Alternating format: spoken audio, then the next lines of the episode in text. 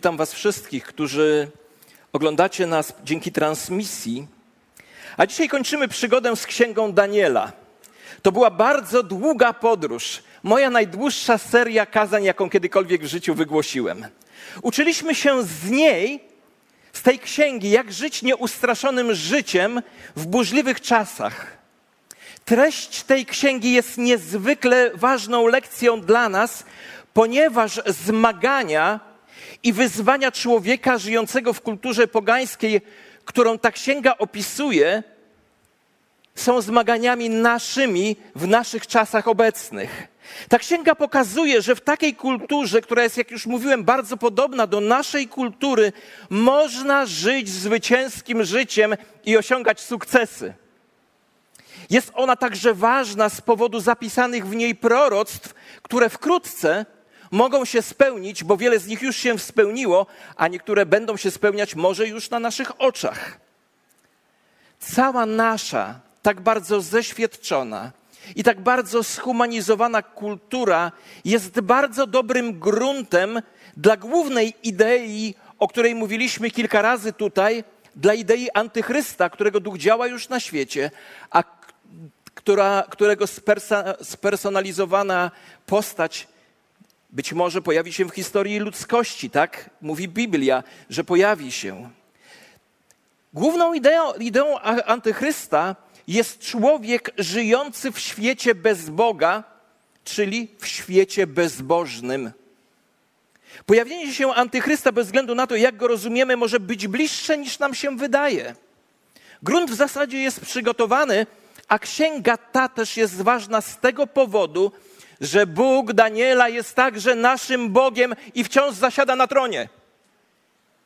Dla mnie osobiście to jest najważniejsza lekcja tej księgi. Bóg rządzi, jest odpowiedzialny za narody, rodziny, jednostki, odpowiada za przeszłość, teraźniejszość i przyszłość, odpowiada za dobre i złe dni, szczęście i smutek, radość i ból, wielkie zwycięstwa i szokujące porażki, choć często z tego powodu te rzeczy się dzieją, że my tak czynimy, a Bóg z jakichś powodów na to nam zezwala. On odpowiada za narodziny dziecka i panuje, gdy śmierć puka do naszych drzwi. To wszystko powinno zwiększać nasze zaufanie do Boga i do Jego suwerenności, bo Bóg nigdy, nigdy, posłuchajcie, Bóg nigdy nie popełnia błędów. Kiedy zbliżamy się do, tej, do końca tej księgi, Daniel ma 90 lat. Jest starcem, a jego prorocka kariera zbliża się do finału. Zanim pójdziemy dalej, to jeszcze jedna ważna myśl. Posłuchajcie. Dla mnie osobiście Izrael jest zegarkiem na ręku Pana Boga, co oznacza, że trzeba śledzić sytuacje z nim związane, by rozumieć między innymi koniec ziemskiej historii ludzkości. Rozdział 12 Księgi Daniela daje wgląd w tę historię w bardzo głęboki sposób. Stąd zatytułowałem to kazanie na finale ziemskiej historii ludzkości. I teraz przyjrzymy się po pierwsze czterech rzeczy, których możemy się spodziewać w przyszłości Izraela. Jak mówiłem, Izrael to zegarek na ręku Pana Boga i patrząc na niego możemy widzieć, w jakich czasach żyjemy. Cztery rzeczy w przyszłości Izraela. Pierwsza rzecz to czas ucisku. W tym czasie powstanie Michał, mówi księga Daniela, wielki książę, który wstawi się za synami Twego ludu. Nastanie czas ucisku, jakiego nie było, odkąd narody zaczęły istnieć, aż do tego czasu. Już się o tym uczyliśmy, że Archanioł Michał jest wyznaczonym strażnikiem Izraela. Możemy być pewni, że kiedy on pojawia się na scenie, to musi się coś wydarzyć. W tym przypadku rozpoczyna się czas ucisku. Wielu komentatorów Biblii mówi, że będzie to miało w 70 tygodniu z proroctwa Daniela w czasie siedmiu lat. I w czasie tych siedmiu lat Bóg pozwoli antychrystowi na krótko dojść do władzy, a ostatnia połówka tych siedmiu lat jest powszechnie nazywana przez niektórych komentatorów Biblii uciskiem wielkim, wielkim uciskiem. Druga rzecz, na którą musimy zwrócić uwagę, to wybawienie ludu Bożego. W tym czasie Twój lud, czyli Izrael, zostanie wybawiony. każdy, kto zostanie zapisany w księdze, Izrael i nie tylko. To wybawienie ma miejsce pod koniec okresu ucisku. A kto zostanie wybawiony lub zbawiony przez Boga? Odpowiedź brzmi następująco: każdy, kto znajdzie się zapisany w księdze. A co to za księga? Nie może to być żadna inna księga jak księga życia. To jest księga, którą Bóg trzyma w niebie. Tylko ci, których imiona są zapisane w księdze, zostaną wpisani do nieba. Pewnego dnia miałem taką historię. Wchodziłem do restauracji i usłyszałem pytanie menadżera: Trzyma pan rezerwację? Jeśli odpowiedziałbym, że nie, lub nawet, że nie wiem, to nie byłbym wpisany, wpuszczony do restauracji, bo nie jestem zapisany w księdze rezerwacji. Bóg też ma swoje księgi. On prowadzi zapisy w niebie, ma też księgę, która zawiera imiona wszystkich odkupionych. W Danielu w 12 rozdziale, w pierwszym wierszu, anioł powiedział, że każdy, że każdy, którego imię jest zapisane w tejże księdze, zostanie wyzwolony. I to prowadzi mnie do bardzo ważnego pytania: czy Twoje i czy moje imię jest zapisane w Bożej księdze? Lepiej być pewnym, zanim będzie za późno. I trzecia rzecz, którą musimy wiedzieć, to zmartwychwstanie. A wielu z tych, którzy śpią w prochu ziemi, obudzi się jedni do życia wiecznego, a drudzy ku hańbie i wiecznej pogardzie. Z prochu ziemi pewnego dnia Bóg wzbudzi umarłych. Pamiętajmy, że wszyscy są zaproszeni, ale nie wszyscy idą na to samo miejsce. Niektórzy idą do życia wiecznego, inni natomiast do śmierci wiecznej. Ci, którzy zaufali Jezusowi, zostaną wzbudzeni, nieśmiertelni i nieskazitelni. Ci, co odrzucili dar zbawienia ofiarowany za darmo przez śmierć Jezusa Chrystusa, jak mówi apostoł Paweł, poniosą oni karę. Wieczne zatracenie od oblicza Pana i od chwały Jego mocy.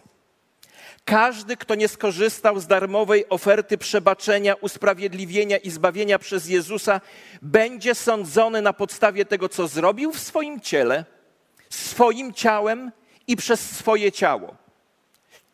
To nie jest dobra wiadomość dla tych grzeszników, którzy nie skorzystali z łaski zbawienia Pana Jezusa Chrystusa.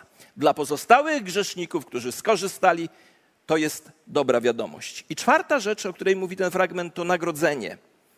Ci, którzy są mądrzy, będą świecić jak blask firmamentu, a ci, którzy przyprowadzili wielu do sprawiedliwości, jak gwiazdy na wieki wieków.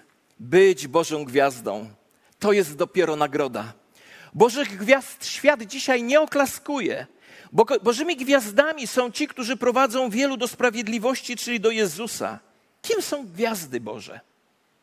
Mama i tata którzy cierpliwie uczą swoje dzieci o Jezusie. Pracownik biurowy, który opowiada, odpowiada na duchowe pytania swoich przyjaciół.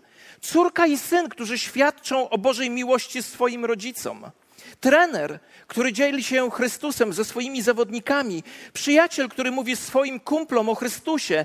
Nauczycielka w szkole niedzielnej czy w szkole, która modli się o ocalenie swoich podopiecznych. Lekarze, prawnicy, robotnicy, wierzący ludzie, którzy dzielą się Ewangelią, misjonarze i wielu, wielu innych, Boży bohaterowie pewnego dnia zabłysną jak gwiazdy na wieki wieczne. To jest dobra nowina. Ktoś powiedział to tak. Jeśli chcesz, aby coś trwało w sercu człowieka przez rok, to posadź mu kwiaty. Jeśli chcesz, żeby trwało przez całe życie, to posadź mu drzewo. Ale jeśli chcesz, aby trwało wiecznie, to umieść dobrą nowinę w jego sercu.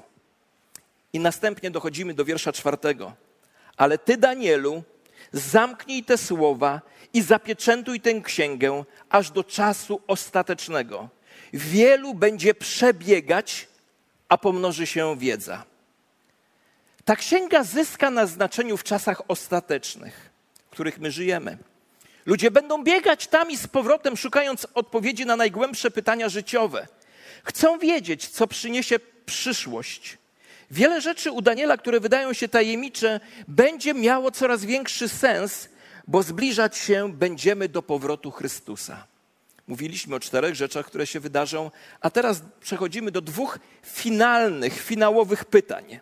Bo księga Daniela kończy się dwoma pytaniami. Pierwsze pytanie pochodzi od anioła, a drugie od samego Daniela.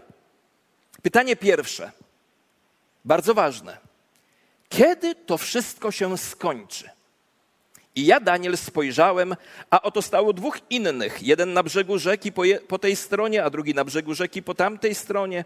Jeden powiedział do męża odzianego w lnianą szatę, który stał nad wodami rzeki, kiedy będzie koniec tych dziwnych rzeczy? I usłyszałem tego męża odzianego w lnianą szatę, który stał nad wodami rzeki, podniósł swoją prawą i lewą rękę do nieba i przysiągł na żyjącego na wieki, że będzie to na czas, czasy i połowę czasu. I gdy doszczętnie rozproszy się siłę świętego ludu, wtedy to się wszystko wypełni. Najwyraźniej jeden z aniołów zastanawiał się, kiedy nadejdzie kres udręki Izraela. I odpowiedź pochodzi z wiersza siódmego. Będzie to czas, czasy i połowę czasu. Badacze twierdzą, że czas jest rokiem i że całe to zdanie odnosi się do trzech lat i konkretnie, czyli konkretnie do ostatniego, do ostatniej połowy tego siedmioletniego okresu ucisku, kiedy antychryst rozpocznie swoje panowanie na terytorium świata. I ten sam werset daje nam także kluczowy wgląd w cel ucisku. Rozproszyć siłę świętego ludu. Cel ucisku, który robi antychryst. Rozproszyć siłę świętego ludu. Ma on zneutralizować moc narodu Izraela. Bóg dozwala antychrystowi zdobyć władzę, aby skruszyć pychę Izraela i przygotować naród do przyjęcia zbawienia, jak mówi apostoł Paweł w liście do Rzymian w 11 rozdziale. I tak, I tak cały Izrael będzie zbawiony, jak napisane, przyjdzie z Syjonu wybawiciel i odwróci bezbożność od Jakuba. Dzisiaj jest tak, że ślepota jest, przyszła do Izraela i dlatego większość Żydów nadal nie przyjęła Chrystusa, choć dzisiaj coraz więcej osób w tym narodzie odnajduje w nim swojego Mesjasza. Ale w przyszłości ta ślepota zostanie usunięta i będą patrzyli na tego, którego przebili i ze złamanymi sercami przyjmą Jezusa jako Pana i Zbawiciela, a naszą Kościoła odpowiedzialnością jest modlić się o to i błogosławić naród żydowski. Tak naprawdę to my wszyscy musimy zostać złamani. Musi zostać złamana nasza pycha i nasza moc. To wszystko, nasza pycha i moc musi zostać rozproszona, abyśmy mogli w pokorze przyjąć dar zbawienia ofiarowany przez Pana Jezusa Chrystusa. Niektórzy ludzie muszą uderzyć dwa, trzy, a nawet cztery razy w samo dno, aby zacząć wołać o pomoc do Boga. Ucisk nie jest po prostu sądem. Jest wstępem do wylania łaski Bożej na Izrael. Słyszycie? Ucisk nie jest tylko sądem, jest początkiem, jest wstępem do wylania boskiej łaski na Izrael. I teraz pytanie, które zadaje Daniel, bardzo ważne. Jaki będzie koniec tych rzeczy? I Daniel mówi tak: Ja to usłyszałem, ale nie zrozumiałem, więc zapytałem: Mój panie, jaki będzie koniec tych rzeczy? Wtedy odpowiedział: Idź, Danielu, bo te słowa są zamknięte i zapieczętowane aż do czasu ostatecznego. Wielu będzie oczyszczonych, wybielonych i doświadczonych, ale bezbożni będą postępować bezbożnie. Podobny wiersz mamy w Nowym Testamencie, w dwóch miejscach co najmniej. Żaden bezbożny nie zrozumie, ale mądrzy zrozumieją. A od tego czasu, kiedy zostanie zniesiona ofiara codzienna i będzie postawiona obrzydliwość spustoszenia, upłynie 1290 dni. Błogosławiony, kto doczeka i dojdzie do 1335 dni. Kiedy Daniel prosi o dalsze wyjaśnienie, dostaje odpowiedź. Grzecznie mówi mu się, aby się tym nie martwił, bo po prostu zaufał, wiedząc, że cierpienie czasu ostatecznego oddzieli sprawiedliwych od niesprawiedliwych. Sprawiedliwi zobaczą, że ręka Boga działa nawet podczas ucisku, podczas gdy niesprawiedliwi będą trwać w swojej niegodziwości. W ten, sam, w ten sposób Bóg zajmie się naszymi wolnymi wyborami moralnymi, których codziennie dokonujemy. Pomyślcie o tym. Ja ostatnio o tym bardzo dużo myślę. Tragedia, która zmiękcza serce niektórych ludzi, ta sama tragedia w sercach innych ludzi sprawia większą twardość. Zauważyliście to w życiu? Tragedia, która zmiękcza jedno serce, inne serce czyni twardszym.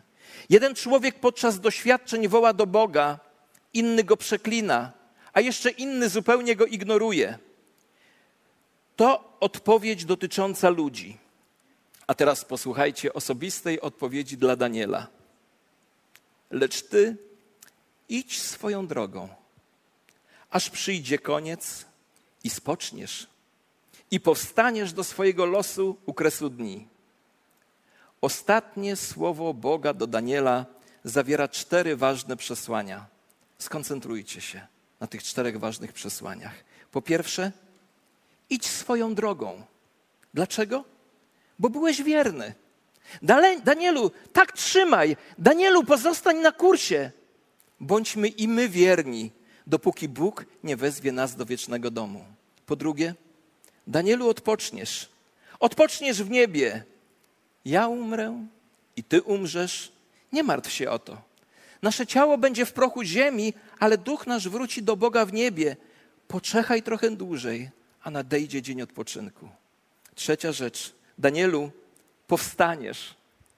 To jest obietnica zmartwychwstania w ciele. Chociaż Daniel umrze, ostatecznie powstanie, otrzyma przydzielone dziedzictwo. To cenna obietnica dla człowieka, który całe życie spędził w pogańskiej kulturze. Przez 70 lat był daleko od swojego domu, chociaż inni Żydzi powrócili. Daniel najprawdopodobniej zmarł w Babilonie. Zmarł jako wygnaniec w obcej ziemi, ale Bóg obiecał mu, że pewnego dnia otrzyma obiecane dziedzictwo. Oto zatem ostatnie słowo Boga do starzejącego się proroka. Danielu, bądź wierny do końca. Umrzesz, ale Bóg cię nie zapomni. Pod koniec czasów znowu będziesz mieć swoje miejsce na ziemi i będziesz żył znowu. Posłuchajcie. Zobaczymy się ponownie z Danielem. Wiecie? Nie tylko z nim. Pewnego dnia umierał znamienity obywatel pewnego miasta. Leżąc w swoim pięknym domu, otoczony przez najwybitniejszych lekarzy, a także przez inne znamienne osoby, nagle usłyszano jego cichy szept rozpaczy. Wychodzę z domu, wychodzę z domu, wychodzę z domu. W tym samym czasie na drugim krańcu miasta umierał inny człowiek w skromniejszym otoczeniu. Ale w jego oczach błyskała radość, a z jego ust słychać było szept: Idę do domu, idę do domu, idę do domu. Czy kiedy będziesz opuszczał ten świat, będziesz mówił: Wychodzę z domu? Czy będziesz mówił: Idę do domu? Jeśli jesteś zbawiony, idź swoją drogą, bądź wierny do końca. Nigdy nie zapominaj o tym, że ten świat nie jest Twoim domem. Kiedy opuścimy ten świat, idziemy do domu. Do tego czasu żyjemy jak obcokrajowcy na świecie. Ci, którzy wierzą w Jezusa, nigdy nie czują się na tym świecie jak w swoim własnym domu, ponieważ nasze obywatelstwo jest w niebie. Lubię ten stary przekład. Nasza Rzeczpospolita jest w niebie. I kiedy kończymy ostatnie przesłanie z księgi Daniela, przepraszam, chciałbym, żebyśmy wrócili na chwilę do przesłania z pierwszego kazania, którego rozpocząłem które rozpocząłem kilka miesięcy temu. Posłuchajcie, jakie przesłanie było podczas pierwszego kazania. Cytowałem wówczas coś, co się zadziało w Daniela sercu. Posłuchajcie. Wszystko ma początek w tym wierszu, ale Daniel postanowił w swoim sercu. Jak przetrwamy ciągły atak świata w naszych czasach? Jak przetrwamy trudne sytuacje w naszych czasach? Przetrwamy w taki sam sposób jak Daniel, umieszczając nasze serca we właściwym miejscu. Chociaż nasze ciała, tak jak ciało Daniela, są na ziemi, nasze serca ciągle muszą znajdować się w niebie. A jeśli nasze serca są w niebie, to nie ma znaczenia, gdzie jesteśmy na ziemi, ponieważ świat nie może nas dotknąć. Księga Daniela rozpoczyna się od czegoś, co wydaje się wyraźnym triumfem zła nad dobrem. Jednak Bóg dopuścił, pozwolił, aby się to stało dla Jego wyższych celów. A teraz przechodzimy do końca tej księgi i zobaczymy, co się stało. Królestwa ziemskie zostały zniszczone. Antychryst został pokonany. Izrael został zbawiony. Święci wrócili do domu, a Królestwo Boże zostało ustanowione na wieki wieków. To znaczy, że to, co zaczyna się od porażki, to, co dzisiaj nam się wydaje porażką, kończy się blaskiem chwalebnego zwycięstwa. W tym świecie os ostatnie słowa należą do Pana Boga, i w tym świetle ostatnie słowa skierowane do Daniela oznaczają o wiele więcej niż teraz Danielu idź i odpocznij, bo nadchodzi lepszy dzień. Kończę więc księgę Daniela dwoma pytaniami. Pierwsze z nich. Oto Jezus powraca. Czy jesteś gotowy na spotkanie z Nim? Niektórzy są, niektórzy nie są. Co zrobisz, jeśli Jezus wróci dzisiaj? Czy z przyjemnością go zobaczysz? Czy ukryjesz się ze wstydu? A ostatnie pytanie jest jeszcze bardziej podstawowe. Posłuchaj uważnie. Czy Twoje imię jest zapisane w Księdze Życia? Czy jesteś zapisany jako prawdziwe dziecko Boże? Czy kiedykolwiek zostałeś zbawiony, zbawiona przez krew Chrystusa? Czy zaufałeś Jemu jako Panu i Zbawicielowi? Jeśli nie jesteście tego pewni, jeśli nie jesteś tego pewien, wzywam Was, tych, którzy nie są tego pewni, abyście biegli do krzyża Chrystusa i złożyli na Jezusie wszystkie swoje grzechy, bo tam jest ich miejsce. Z całego serca przychodźcie do Chrystusa. I kiedy przychodzimy do Niego, kiedy przychodzicie do Niego, odkryjecie, że wasze grzechy są odpuszczone. Wasze imiona są zapisane w Księdze Życia w niebie. Niech nam Bóg pomoże dzisiaj zaufać Chrystusowi. Pochylmy nasze głowy w modlitwie.